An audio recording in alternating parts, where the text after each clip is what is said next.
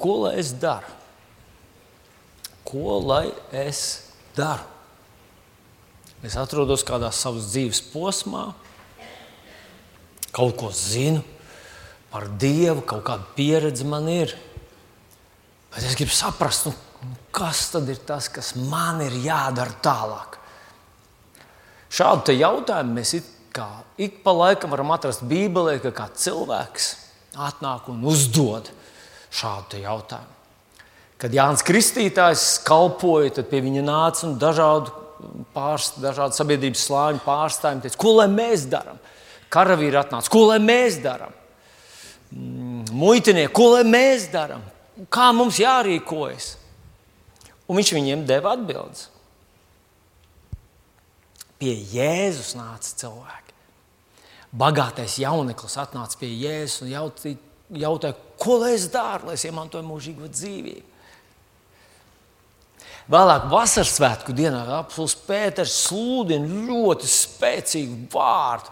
Tur rakstīts, ka tas vārds sāpīgi ķēra viņu sirdis. Un viņi uzdeva Pēterim jautājumu, brāļi, ko lai mēs darām? Iespējams, ka tu arī šajā rītā esi šeit. Tu esi lasījis Bībeli un vari palasīt, lasīt, lasīt, lasīt, lasīt līdzi.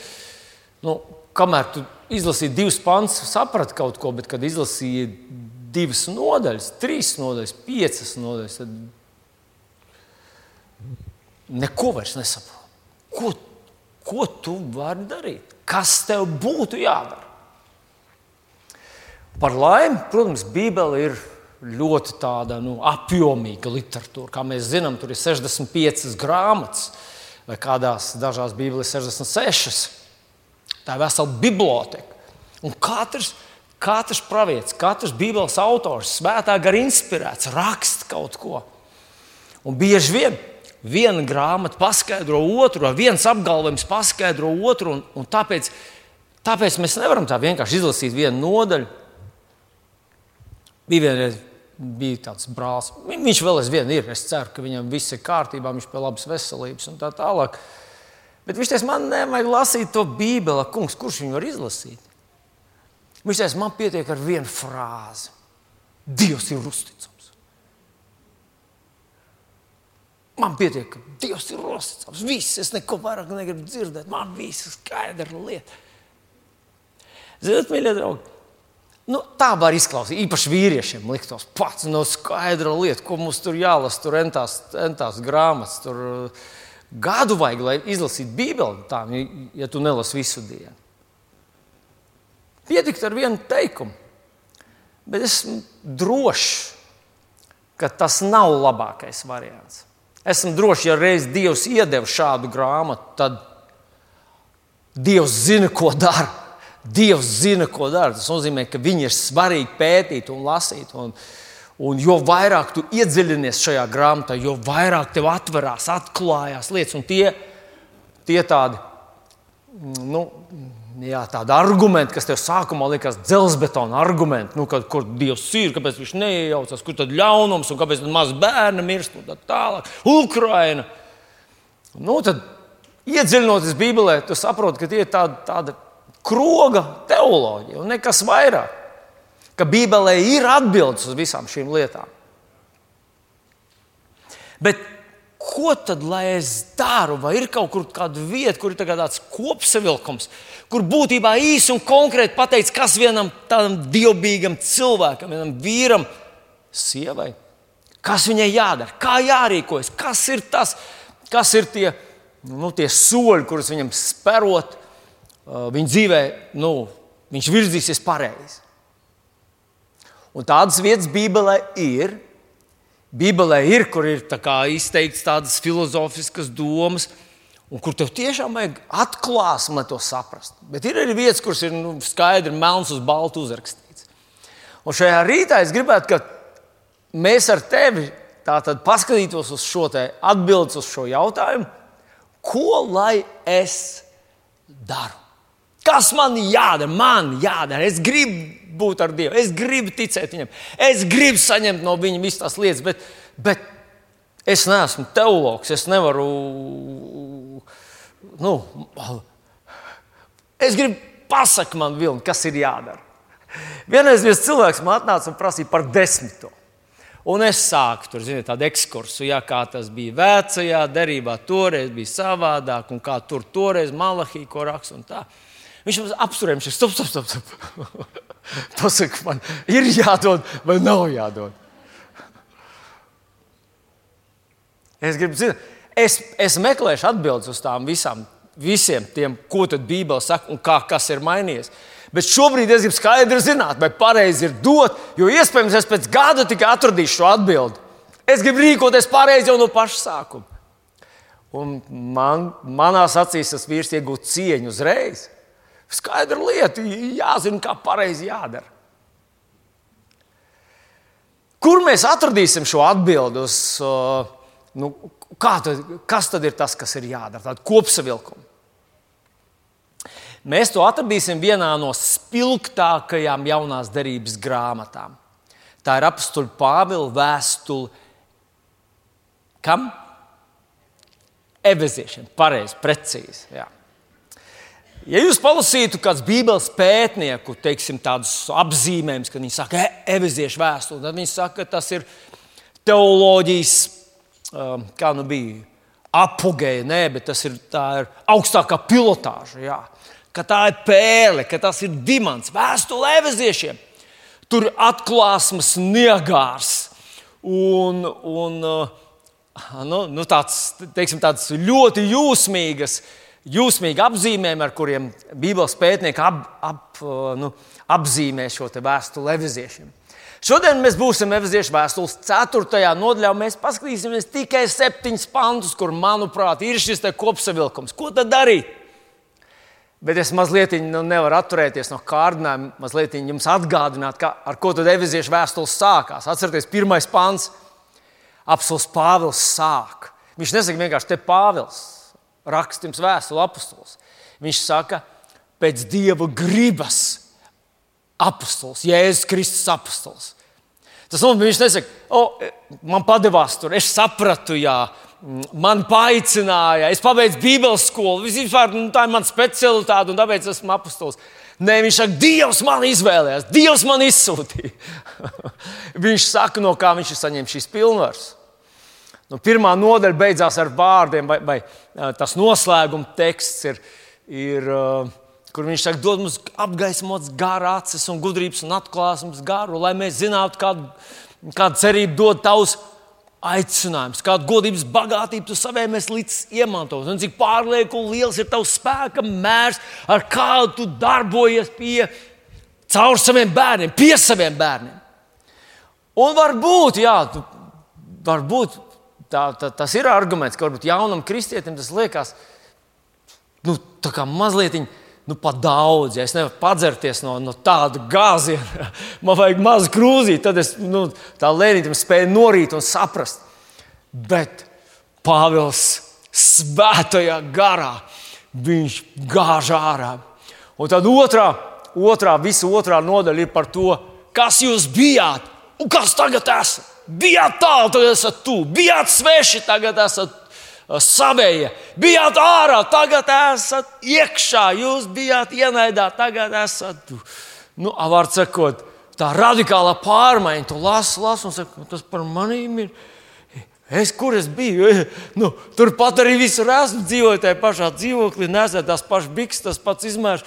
Nu, uzvārds, tas pats vārds, tas pats liekas, ka Bet nē, viņš runā par to, ko Dievs ir izdarījis tevī, kas tur iekšā, ko uzreiz ar savām maņām nevar aptvert. Un tad viņš nonāk līdz trešajai nodaļai, un trešā nodaļa vispār ir tāda. Nu, nu, nu reiz pārstāstīšu apmēram, kas tur bija katrā nodaļā, un mēs būsim beiguši. Jā. Bet nu, trešā nodaļa ir fantastiska. Viņš, viņš saka, 17. pāntā, viņš saka, lai Kristus jums ticību turot, mājot jūsu sirdīs turot ticību, Kristus mājot tavā sirdī. Un tad viņš saka, jūs spētu aptvert, kāds ir garums, platums, augstums un dziļums Kristus mīlestībā. Es neesmu vairs precīzs. Ja. Un ar to piepildīt, iegūt visu Dievu pilnību. Dievs mīl tevi. Dievs ir taisnīgs Dievs, bet, ja Dievs mīl un kāds atsaucās Dieva mīlestībai, tad tas ir vienkārši tas ir kaut kas, ko, nu, kur, kur jābūt kā debesis un zeme, kā, nezinu, kā nakts un dienas starpība. Cilvēks, kurš atsaucies Dievam, viņa mīlestībai.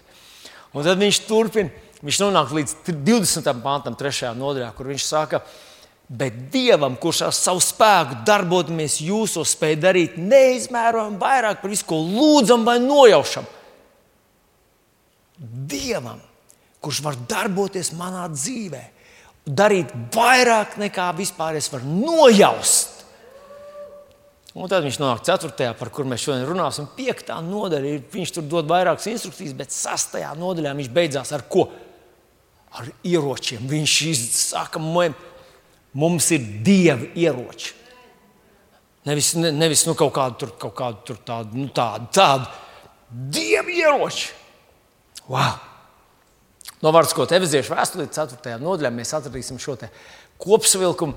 Un tas ir 4. nodaļā, un es izlasīšu no 25. līdz 32. pantam visu, un pēc tam mēs nu, sadalīsim pa punktiņiem. Labi?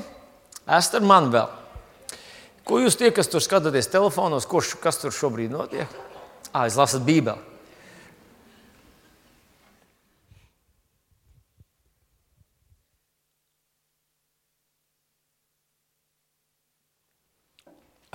Slavu Jēzum. Tātad es lasu. Tāpēc atmetiet melus un runājiet patiesību ik viens ar savu tuvāko, jo mēs savā starpā esam locekļi. 26. un 27. pantu paņēma no jaunā tulkojuma, jo, manuprāt, viņš te ir nu, tāds nu, skaidrāk pateikts. 28. dusmojoties, neapgrēkojieties, lai saule nenoriet jums dusmojoties un 27. un nedodiet vietu vēlnam. 28. kas zādzes, lai vairs nezog, bet lai labāk cenšas sev sagādāt godīgu iztiku ar savu roku darbu, lai būtu ko dot tam, kas ir trūkumā. No jūsu mutes, lai nenāk neviens nekrietns vārds, bet tikai krietnas runas, kas draudzes ceļu un nes svētību klausītājiem. Un neabēdniet Dievu svēto garu, ar ko esat apzīmogot atpestīšanas dienai. 31. pāns. Katrs rūkums, ātrsirdība, dusmas, bāšanās un zaimi, vispār katra ļaunprātība, lai ir tālu no jums. Un pēdējais pāns, bet esiet cits pret citu laipni un žēlsirdīgi, piedodiet cits citam, kā arī Dievs Kristu jums ir piedevis. Nu, ļaujiet uzreiz mazu tādu atsaucīti izdarīt. 31. pantā mēs lasām, ka katrs rūkums, ātrsirdība, dusmas, lai ir tālu no jums. Tepat 26. mēs lasījām, dusmojoties, neapgrēkojieties, lai saule nenoriet jums dusmojoties. Vai 26. pāns mums saka, ka tu vari veselu dienu dusmoties, un jūs sāc no rīta dusmoties, tad tu vari līdz pat 12. vakarā dragāt. Nu, un tad beigās saka, nu, piedod. Vai tas ir tas? Nē, nu, mēs tādā secinām no 31. panta, ka tur ir runa par rūkumu, ātrsirdību, dusmu, bāršanās, zaimi, zaimi, lamāšanās. Vispār, lai tālu no jums, katra ļaunprātība, tālu no jums. Saka, tālu no manis. Nu, tad paņemsim pa vienam visus tos pantus un paskatīsimies, ko viņi mums saka. Tātad punkts numur viens. Pieci soļi šeit ir, kas cilvēkam jādara. Un punkts numur viens ir 25. pāns. Tāpēc atmetiet melus un runājiet patiesību ik viens ar savu tuvāko, jo mēs savā starpā esam locekļi. Atmetiet melus un runājiet patiesību, jo mēs esam locekļi savā starpā. Nu, it kā ļoti vienkāršs pāns, atmetiet melus, runājiet patiesību. Bet tur ir iekšā liela doma, ļoti nopietna doma kuru realizēt dzīvē nemaz nav tik vienkārši. Manuprāt, ir viena laba līdzība, kas mums varētu ilustrēt, kā tas būtu jārīkojas. Viena zooloģiskā dārza direktors saņēma sūdzību no pērtiķa. Pērtiķis nesot apmierināts ar to, kur atrodas viņa būris. Un, kā labs direktors, viņš dodas pie pērtiķa būra un, un runā ar viņu. Kas tad ir, kas tev nepatīk? Un pērtiķis saka, tā. Es, protams, zinu, ka esmu pērtiķis. Un neviens daudz neko nedomā par pērtiķiem. Bet arī pērtiķis nevar atrasties šajā vietā. Direktors saka, kas vainas? Nu, paskaties, vienā pusē man ir papagaļu būris, otrā pusē ir žirafes voljērs. Redzi, papagails visu dienu stāsta anekdotes, bet žirafa visu nakti smējas. Kā lai tu nesajūgts prātā no, no, no, no tādas? Nu, tā doma, mīļie draugi, ko es ticu, ko šis pāns uz mums saka, ka mēs nevaram dzīvot divās pasaulēs. Ir melu pasaule un ir patiesības pasaule. Un mēs esam iemanījušies. Mums pat liekas, tas ir tāds uh, mūsdienīgs, intelektuāli, inteliģenta cilvēka nu, pieeja, ka mēs prasmīgi miksējam melus ar patiesību. Mēs zinām melus, mēs viņus šķirojam, ir liela mela, rupja mela un ir meliņi. Un es nerunāju uzreiz, ka tu tagad krāp savu sievu, vai tu melo savam darba devējam, vai tu esi kasieris un tu regulāri mazliet nozodz no tiem. Es runāju vienkārši par, par lielajām dzīves patiesībām. Kā tu saproti, melot, vispār tas ir, tas ir nu, nostāties uz vēlna ceļa. Vēlns ir mēlis un melu tēvs. Un cilvēks, kurš iestidzis melos. Un, ziniet, meli ievelk tā kā akacis. Ievelk iekšā, tu sameloji šeit. Viens mel, mel, mels, samelojums. Viena nepatiesība dzemdinās nākamo, lai tu izkļūtu ārā, tev atkal jāpiemelo, vēl jāpiemelo, vēl jāpiemelo. Vēl. Un beig beigās tu vairs pēc kāda laika nesaproti, kas ir patiesība vispār par tevi pašu. Vēl vairāk, ja mēs garīgās lietās melojam, sākam mazliet pietēlot, izlikties, mēs paši varam sajust prātā. Mēs vairs nesaprotam, kas mēs esam. Vai mēs esam tie, par kuriem mēs uzdodamies, vai nē, esam. Tas ir ļoti slikti. Jozovā saka, Jozovā saka savai tautai tādus vārdus. Viņš beig, beigās viņus noved vienā izšķiršanās vietā. Viņš saka, cik ilgi jūs klibosiet uz abām pusēm ja bāls ir Dievs, dodieties tur. Ja tas kungs ir Dievs, tad kalpojiet viņam. Redziet, ja šajā pasaulē ir patiesība, ja pasaulē ir patiesība, tad kāpēc gan tev nedoties pasaulē un neusticēties tai patiesībai, kas tur ir? Vai ja patiesība ir Jēzum, ja patiesība ir viņa vārdā, tad varbūt tev vajadzētu nu, radikāli. Un, un tas ir tas, par ko viņš te saka. Atmetiet melus, izmet melus, šķīstī savu zemi, šķīstī savu dvēseli. Vecajā darbā mēs sastopamies ar dažādu ķēniņu nu, dzīves stāstiem, tā kā tāda chronoloģija. Un parasti tas, sāk, tas stāsts par kādu ķēniņu sākās tādā veidā ka šis ķēniņš, nu, viņš piedzima tam, viņa mācības vārds bija tāds un tāds. Viņš visumā darīja to, kas dievam patika. Vienīgi augstieņu svētnīcas netika nopostīts, un cilvēki vēl aizvien piekopa elka dievību tur. Bet tā, nu, tā plus mīnus, tas ķēniņš darīja dievu gribu. Un tad bija tāda ķēniņa, kas vispār visu sajauca, visu tā sinkrētismā, visu sapludināja kopā. Viņi paņēma no visurienes un no visa un domāju, divi dievi ir labāk kā viens dievs. 15 dievi ir vēl labāk, 150 dievi ir pavisam tā droša tā situācija. Gan jau kāds no viņiem ir īstais. Un tad ir tas bībeles, tas kategoriskais, tas imperatīvs. Ir viens dievs, viens glābējs. Un tu nevari flirtēt ar dieviem. Vai nu tu esi ar vienīgo dievu, vai tu ej no viņa prom. Un ķēniņš Dārvids bija, un vēl pāris ir tādi ķēniņi, par kuriem mēs lasām, ka viņi ar tādu kaisli, ar tādu deksmi iztīrīja savu zemi, iztīrīja savu dvēseli no, visām, no visiem meliem, no visām puspatiesībām, no visiem kompromisiem, no visiem šaubīgiem jautājumiem, uz kuriem tev nav īsti atbildes. Viņi iztīrīja to visu ārā, šķīstīja savu zemi Un zinot, ko parasti viņa dzīves stāsts arī beidzās ar, ar tādiem dievu darbiem, dievu glābšanas brīnumiem. Tā tad, mīļais draugs, faktiski šis pāns mums saka, atmetiet melus, ienīsti melus. Pieķeries patiesībai, runā tos ar saviem brāļiem un māsām. Bet mēs jau arī zinām, ka nav iespējams runāt patiesības, kas ir galvā. Ir ļoti grūti. Tu pamanīsi, ka tu tā kā, tā, kā, kā tāds nu, kādreiz sanāk kopā uz mazo grupu, un tik viegli runāt par kaut, kā, nu, kaut kādām tādām pavisam tādām pārastām ikdienišķām lietām. Kaut ko pasmieties. Pa, nu, es nesaku, ka, tas, ka tam nav vieta. Tam arī, protams, ir vieta. Bet ir grūti sākt runāt par patiesībām, kuras nav daļa no tevis.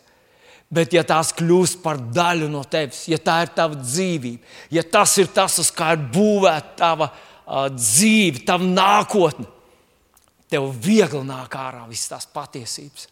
Tev viegli ir viņām runāt, tev viegli apšaubīt un apstādināt nepareizu sarunu, tāpēc ka tas nezina ar patiesību. Un, manuprāt, šis, te, šis pirmais pāns atmetiet melus. Runājot patiesību, viņš runā par patiesības iemīlēšanu. Ka tu tik kaislīgi iemīli to patiesību, tik ļoti viņai pieķeries. Ar viņu tev saistās visas tavas cerības, ar viņu tev saistās viss tavs panākums, ar viņu tev saistās visas tavas uzvaras.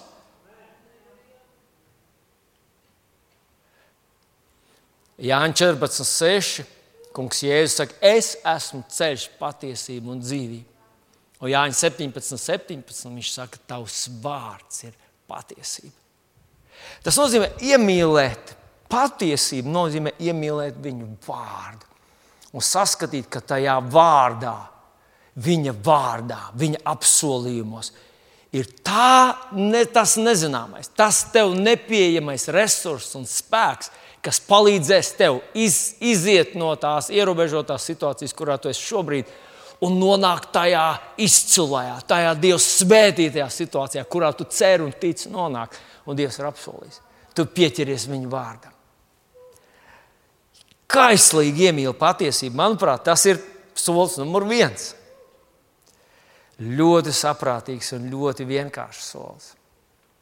Otrais solis ir 26. un 27. pāns, un te ir tas, kuram mēs mazliet jau pieskārāmies. Dusmojoties, neapgrēkojieties, lai saule nenoriet jums dusmojoties. Un nedodiet vietu vēlnam. Halleluja!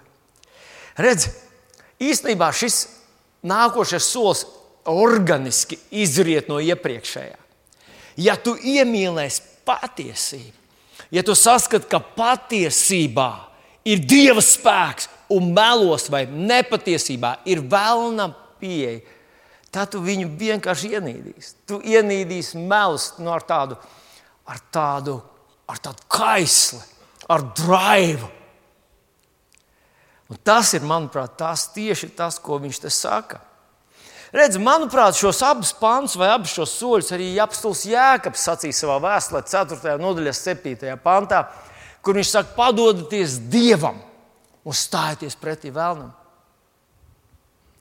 Padoties Dievam būtu tas iemīlēt patiesību, iemīlēt viņa vārdu. Pirms tu atbild uz kādu jautājumu, tu vispirms jautāt, ko Dievs par to saka, ko Jēzus izdarīs šajā situācijā. Un tad rēķinoties ar to, gan runāt, gan domāt, gan skatīties nākotnē, gan plānot.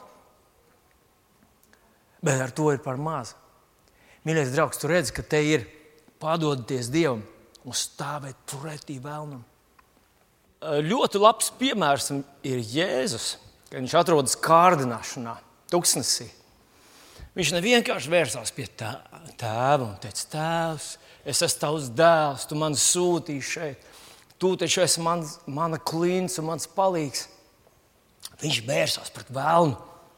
Viņš lietoja zobenu, kur Bībelē mums saka, ka Dievs mums ir devis de, garu zobenu, tas ir Dieva vārds. Un viņš viņam aizliedz, viņš uz viņu runāja. Manuprāt, Šis, te, šie, šie divi panti, viņi saka, nedodiet vietu, nesamierinieties. Ziniet, mēs ar jums dzīvojam karu pasaulē. Skatoties, no nu, Ukraiņas notikumi ir ļoti, ļoti skaidra ilustrācija. Um, es precīzi neatceros, kurš tas gads bija, kad Krievija okupēja Krimas pussalu. Es esmu bijis pie Melnās jūras pasakainas vietas, tur bija kādreiz 14. gadā. Jā. Un tad likās, nu, visiem rietumos, visiem likās, nu, nu labi, nu, nu, labi, nu viņi paņēma to. Tur kaut ko var, var domāt, ka tur, jā, tur varbūt nebija tur īsti vēsturiski tas pareizi, kā tur tas tika noformēts un tā tālāk. Nu, labi, viņi tālāk vairs neies. Bet tā nav patiesība. Mēs redzam, jau, jau tajā cilvēciskajā tajā līmenī nepietiek agresoram, nepietiek. Un vēlams ir agresors. Vēlnam nepietiek, ja mēs samierināsimies ar to, nu, labi, nu, šitā, labi, te es atkāpju. Nu, labi, nu, es nevaru visus apsolījumus, jau es nevaru savā dzīvē dabūt. Nu, jā, visi man bērni jau nevar būt izcili. Nu, es jau nevaru būt vesels līdz galam. Es jau nevaru uzvarēt visas sērgas. Un mēs tā kā kaut kādu teritoriju viņam ielaižam. Ie, ie, un tas ir tas, nedodiet vietas vēlnam. Bet tu principā atsakies no tā. Un tas ir kaut kas, kas neatnāk pats no sevis. Tev, tev ir jābūt šīm dusmām, tādai neiecietībai. Tas tā kā vēlna haters, tas tāds moderns vārds šodien. Viss, kur viņš parādās, tas tev izsauc pumpas. Tu gribi pats.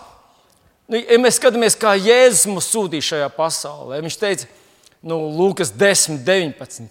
Redziet, es jums esmu devis spēku, ka varat staigāt pāri čūskām un skorpioniem un kāpt virsū katram ienaidniekam spēkam, un tas viss jums niek nekaitēs.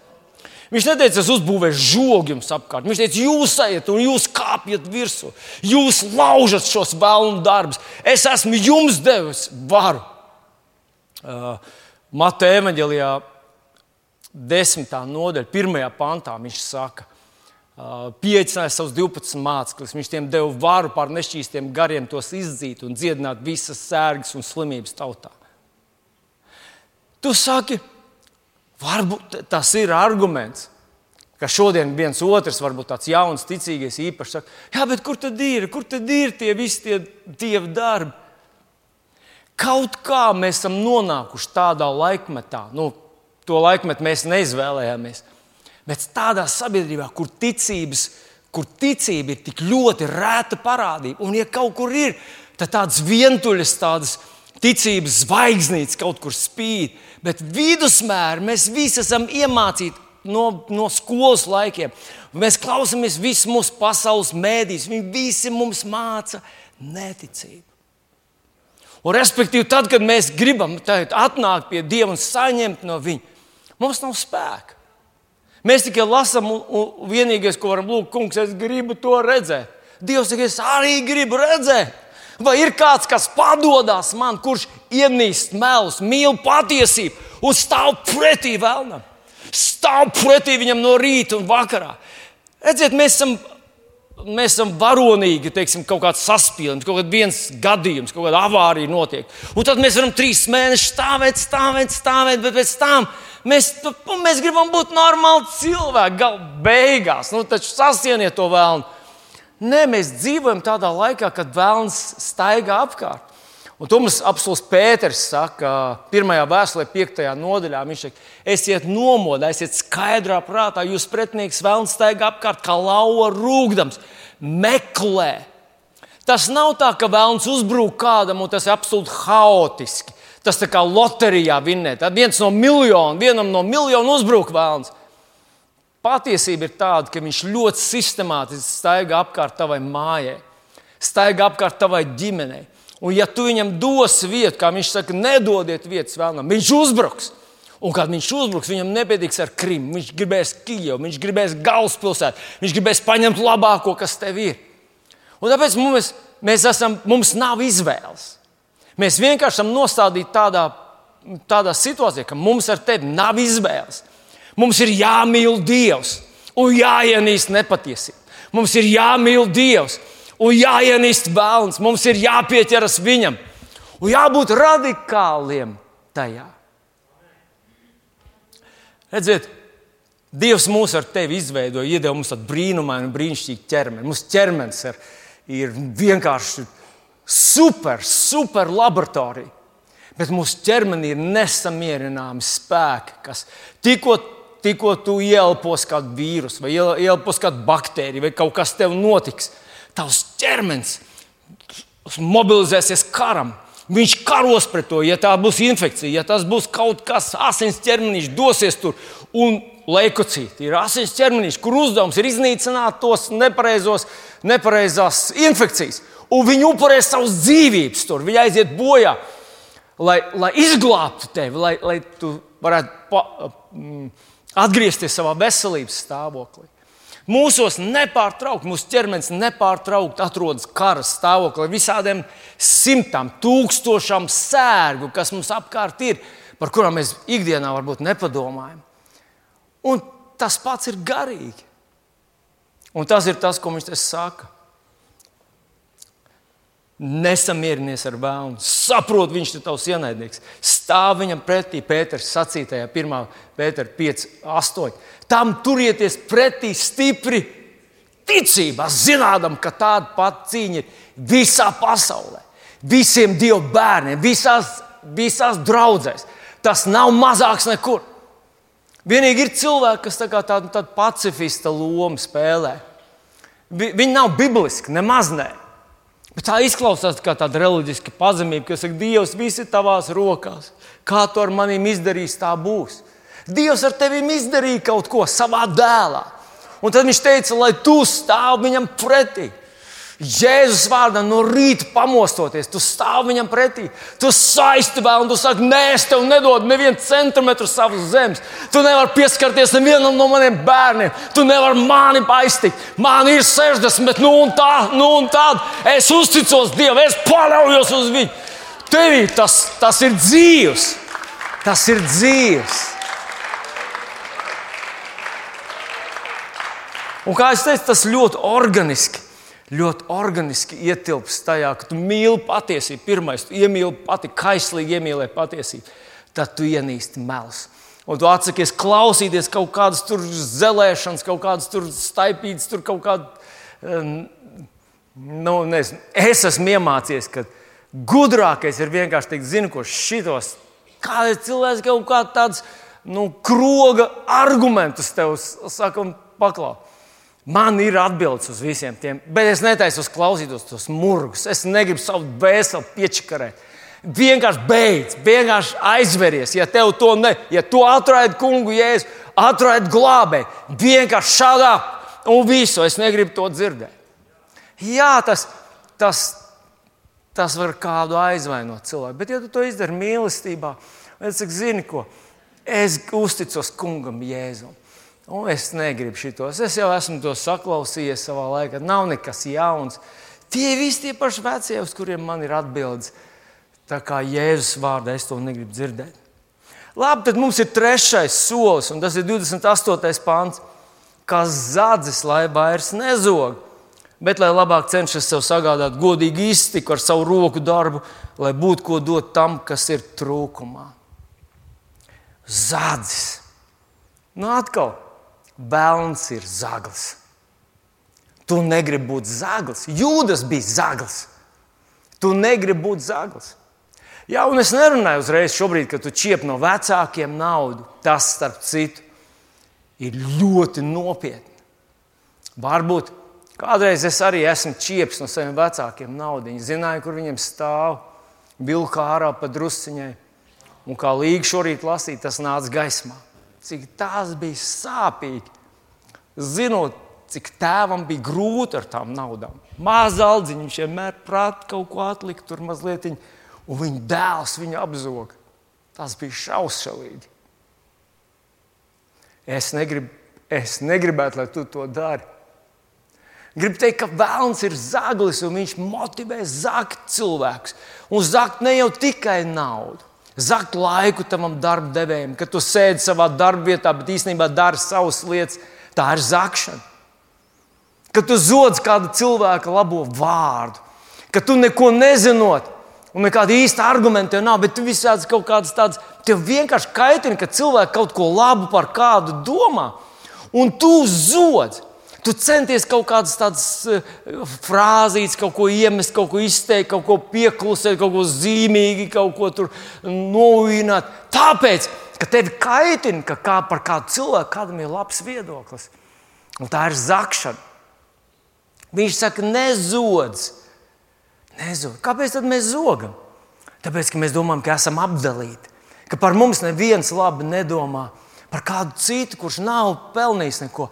Kāds domā par viņu labu, viņam jau ir vieglāk, viņam mazajā maciņā naudas ir vienmēr vairāk nekā tev, un tev kaut kā dzīvē neveicas. Bet zini, ka tie ir vislielākie, vissaltākie meli.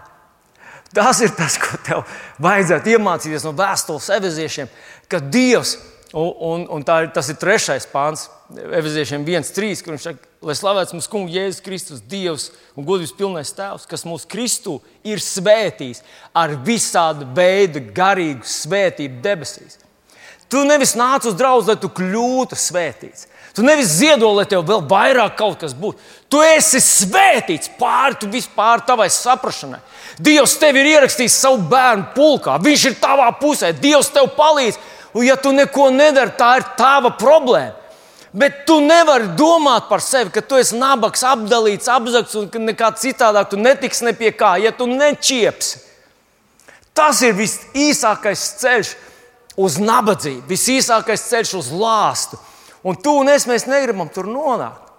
Respektīvi, ja tu izpildīsi šo pirmo soli, ja tu iemīlēji patiesību, un tā patiesība saka, ka tu esi Dieva bērns, viņš pats savu dēlu nav audzējis. Tas gan Romas vēstulīte 8. nodaļā, bet to par tevi nodevis nāvē. Kā tad viņš līdz ar to tev nedāvinās visas lietas? Kā tad viņš līdz ar to tev nedāvinās visas lietas? Un jā, debesu valstībā ir tā, ka vispirms tu to ieraugi savā sirdī Un tikai tad tas parādās tavā dzīvē. Ja savā sirdī tu esi apdalīts, ap, ap, nu, neveicies tev, tu, tu neesi pareizā laikā, tev nav pareizais ķermenis, tev nav pareizie vecāki, tev nav pareizā joma, nav pareizā sieva, nav pareizie bērni. Ja viss tu esi apdalīts, tad tu zaksi. Tad tev motivē skaudība un tu zaks, bet visur, kur ir skaudība un ķilde, tur ir vēlns.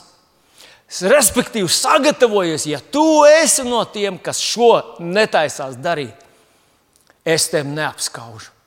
Bet, ja tu pieķeries patiesībai, saproti, ka tu esi tas, kurš es noliku šajā pasaulē, lai būtu devējs. Devējs ir kaut kas pilnīgs pretstats zaglim. Zaglis paņem, devējs dod. Tu esi tik ļoti svētīts, ka tu vari atļauties dot palīdzēt. Tu vari atļauties iedrošināt cilvēkus domāt labas domas. Par tevi Dievs domā labas domas.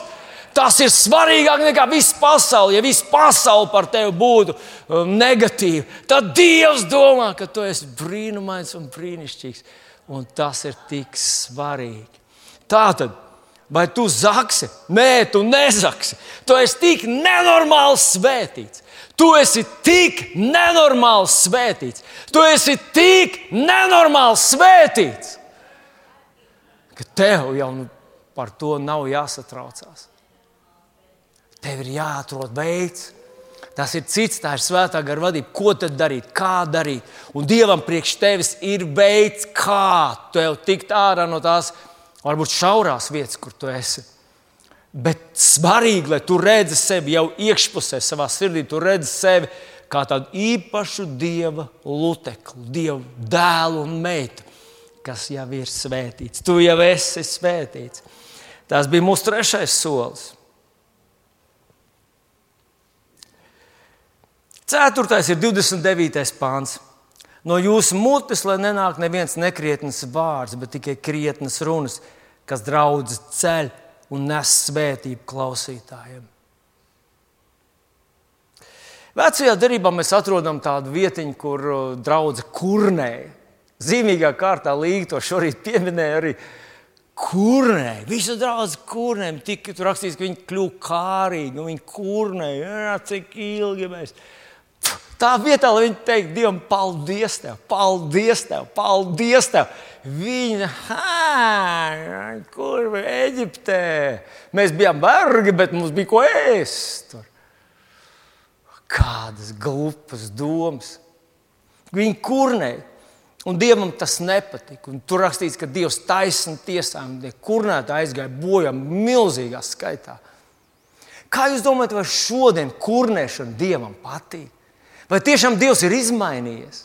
Mēs lasām Ebrejiem 13, 8, Jēzus Kristus vakar un šodien tas pats un mūžīgi. Ja viņam toreiz derdzās kurnēšana, tā neapmierinātība, tas ir pat taisno nāk no Lucifera. Viņš bija augstākajā pozīcijā. Viņš staigāja degošo akmeņu vidū, dievu godības klātbūtnē. Bet viņš nebija apmierināts. Jā, tas ir tas, nē, es gribu kaut ko vēl, es gribu vēl augstāk. Un, nu, es, protams, Dievs, Dievam nav asociācija. Es, ne, piedod, es nezinu. Jā. Bet uh, es domāju, viņš tik ļoti ienīst šo, šo kurnēšanu, viņš tik ļoti ienīst šo te tādu tā, it kā, it kā tādu, nu, tādu godīgu valodu. Es saku, kā ir. Bet tā ir kurnēšana. Bite un muša, jau pazīstami personāži mums ir, dzīvoja vienā pļavā. Tur bija tāds meža ieloks, un viņas abas dzīvoja tajā vienā pļavā. Un vienā dienā žurnālisti jautāja, mušai. Nu, ko jūs sakat par šo, te, um, šo te pļāvu? O, mušais, o, nē, nu, ko, ko, nākās iztikt ar to, kas ir. Tur aiz tā koka ir čūpa, tur aiz tā krūma ir čūpa. Tur ir pavisam svaigi čūpa, šausmas. Es no šejienes to jūtu, to čūpu viņa man sauc. Un tad īstenībā visi, kas ienāk šajā meža nostūrī, mušu apstāstu reāli godīgi, kā tā situācija ir. Žurnālists prasa bitei, bitīt, ko jūs sakat, kā jūs varat izdzīvot šeit. Viņi saka, vai šajā pļavā ir tik daudz ziedu, vai tad jūs nejūtat tās svaigās smaržas, vai tad jūs nejūtat visus tos liepziedus un tos kumelītes un visas tās margrietiņas un visas tos nenosakāmos puķītes, es no viņām visām salas ziedputekšņus, es taisu mēdu no tā visa. Bet, zinot, šāda pati situācija bija vienā draudzē. Vienā draudzē gāja gan muša, gan bite. Un pajautāt mušai, kāda ir tava draudzene? Nu, kaut kur jau jāiet, ir. Nu, jā. nu, kas tev ir mācīties? Nu, viens. Ah, nu, Viņam dēls ir par slavēšanas vadītāju, un, un otrs dēls par mācītāju. Mafija. Viss, viss ir sagrābts. Starp citu, cik es esmu dzirdējis mācītāju, tādas pozitīvas, tādas, tādas nu, sajūsmas, vilni. Cik es būtu laimīgs, ja mani bērni stāvētu man blakus kalpošanai vilni.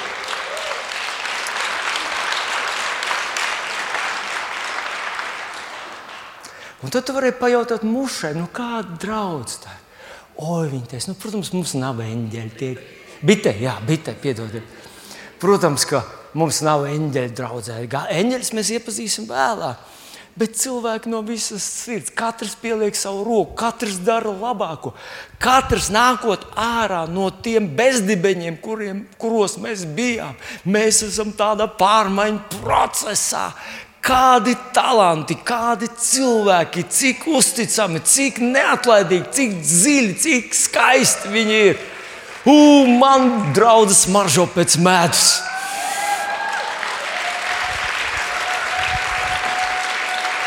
Jā. Bez šaubām, Vēlns dara visas tādas lietas. Viņš nav beidzis. Viņš kādu pieviļ, kādu nogāž, kādu kaut kur sarūktina. Bet mēs ar jums taču ne uz to mēs fokusējamies. Mēs fokusējamies uz to, ko Dievs dara. Mēs skatāmies uz tām labajām lietām, kuras dara Dievs. Un es gribu tādu mazu tādu atsaucīt. Ja tu esi muša, Tu esi iemaldies nepareizā draudzē. Lūdzu, vai nu izslēdz mušas radaru un ieslēdz bites radaru. Tev ir tāds. Ja tu esi pieņēmis jēzu par savu kungu nopietni un pa īstam, ieslēdz bites radaru. Un tu pēkšņi sajutīsi smaržas. Tu ieraudzīsi cilvēkus, kas katrs cīnās ar dažādiem izaicinājumiem, kas katrs stāv pretī vēlnam un iemīlējuši patiesību. Un tev ar viņiem būs viegli, jo mēs visi kopīgi ceļojam uz debesīm, uz glābšanu, uz to brīnumaino dienu, kad mūsu kungs parādīsies. Lūdzu, lūdzu. Un šeit pat pieder tas pāns, 30. pāns. Viņš nāk pēc 29. viņš te iet komplektā. Neapbēdiniet Dievu svēto garu. Neapbēdiniet Dievu svēto garu. Kad mēs runājam tādas, tādas, nu, tās, tās jau manas pieminētās runas, mēs apbēdinām Dievu svēto garu. Bet viņš tur ļoti zīmīgi izsakās. Un neapbēdiniet Dievu svēto garu, ar ko esat apzīmogot atpestīšanas dienai. Viņš nepabeidz šo domu. Viņš vienkārši saka, hei, svētā gara apbēdināšana, tas ir kaut kas, ko tu negribi izdarīt. Un tāpēc mēs fokusējamies uz labām lietām, Jēzus vārdā. Un tad ir pēdējais, pēdējais piektais solis. Un tas piektais solis ir atkal divos pantos. Vienā ir teikts, kas nevajag darīt, un otrā ir pateikts, kas, ko vajadzētu darīt. Nu, paklausies! Katrs rūkums, ātrsirdība, dusmas, bāršanās un zaime, vispār katra ļaunprātība, lai ir tālu no jums. Bet esiet cits pret citu laipni un žēlsirdīgi. Piedodiet cits citam, kā arī Dievs Kristu jums ir piedevis. Faktiski šis pēdējais, šie pēdējie divi panti, vai šis pēdējais punkts, viņš ir par attiecībām. Izmet ārā rūkumu, ātrsirdību, dusmas, bāršanās un zaimas, lai tie ir tālu no tevis. Tas ir attiecībās ar cilvēkiem. Mēs sarūktamies uz cilvēkiem, dusmojamies uz cilvēkiem, mēs baramies ar cilvēkiem, mēs apskaukājam cilvēkus. Un zinot, ka mēs pieliežam šaušalīgu kļūdu. Jo šajā pasaulē visvērtīgākā, visdārgākā lieta ir cilvēki. Atcerieties, Mateja Emģelijā 25. nodaļā, Jēzus saka, tiem, kas bija pa labo roku. Viņš teica, visu, ko jūs esat darījuši, vienam no šiem vismazākiem, to jūs esat darījuši man. Vai tas nozīmē, ka mums būs jāmīl pilnīgi visi cilvēki? Nē, nē, visus nevajag mīlēt.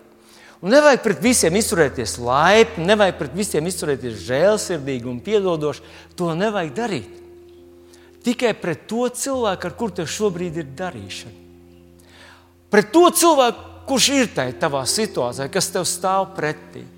Vai tas ir tavs klients, vai darba devējs, vai, vai cilvēks, ar kuru kaut kāds pārpratums noticis.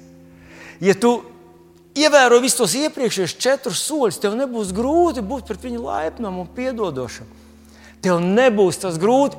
Un iedomājies, kādā vietā apelsīns, ja nemaldos, bija Pāvils, kurš saka, ka dažreiz paši sev nezinot, mēs domājam, ka tas ir cilvēks, bet tas ir eņģelis. Viņš runā par viesmīlību. Daži uzņēmuši eņģeļus tādā veidā.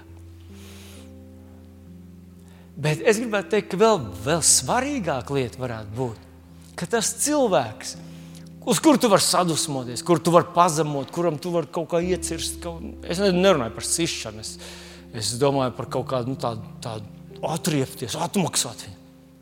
Ka tas ir pats kungs Jēzus. Varētu tā būt. Tas ir pats kungs Jēzus. Respektīvi, tu saproti, ka tava misija šajā pasaulē ir pie kā? Pie kā mēs ar tevi esam sūtīti? Pie kā? Pie cilvēkiem. Pie cilvēkiem. Ne visiem mēs patiksim, ne visi uzreiz patiks mums.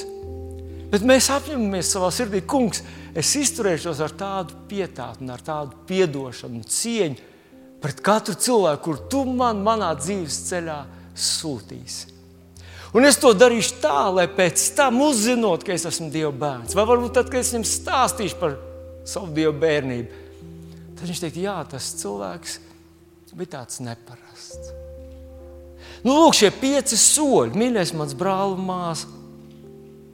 Es tev atgādināšu vēlreiz, kādi ir ļoti vienkārši soļi. Piektā nodaļa sākās ar pirmo pāntu, kas ir kopsavilkums tam visam. Viņš saka, sekojiet Dievam, kā viņa mīlība. Dariet kā Dievs. Un es esmu pārliecināts, ka te ir runa par šiem pieciem soļiem. Vispirms iemīli patiesību, kaislīgi iemīli patiesību. Pēc tam ienīsti melus. Tā rīktīgi ienīst. Ne jau cilvēks, bet melus un meli. Melus un meli. Tu vienkārši atsakies viņus laist savā dvēselē. Tu atsakies viņus uh, pārdomāt, strādāt ar viņiem, ēst no melus šķīpa. Tu ienīsti melus. Trešais, tu jau esi svētīts. Lai nu kurš būtu zaglis, bet tu to nedarīsi. Tu esi tik nenormāli svētīts. Ceturtais, fokusējies uz dieva darbu un ieslēdz bites radaru. Un mūžs radaru slēdz ārā. Un piektais, kā būtu, ja tu sev nosauktu, ka tu esi cilvēku magnēts? Tu pievelc cilvēkus, tev viņi patīk. Viņi ir tas, pie kā tu esi sūtīts. Viņi ir tas misijas lauks, uz kur Dievs tevi sūtīja. Un kad tu tā paskaties, nevienmēr iznāks uzreiz tā, kā tu gribēji, kā plānoji, kā lūdzi. Bet tu būsi laipns, tu būsi piedodošs, tu būsi žēlsirdīgs. Un tam vajadzētu strādāt. Nu, lūk, kas man jādara? Šie pieci vienkāršie soļi tev jāspēr un tu virzīsies pa pareizu ceļu. Lasi Bībeli, lūdzu, lai Svētais Gars tev viņu atklāja un atver. Bet katrā situācijā, katra ir vienkārši, vienkārši pareizs rīcības modelis, kur apelsīns Pāvils mums atstāja apziņas vēstulītē.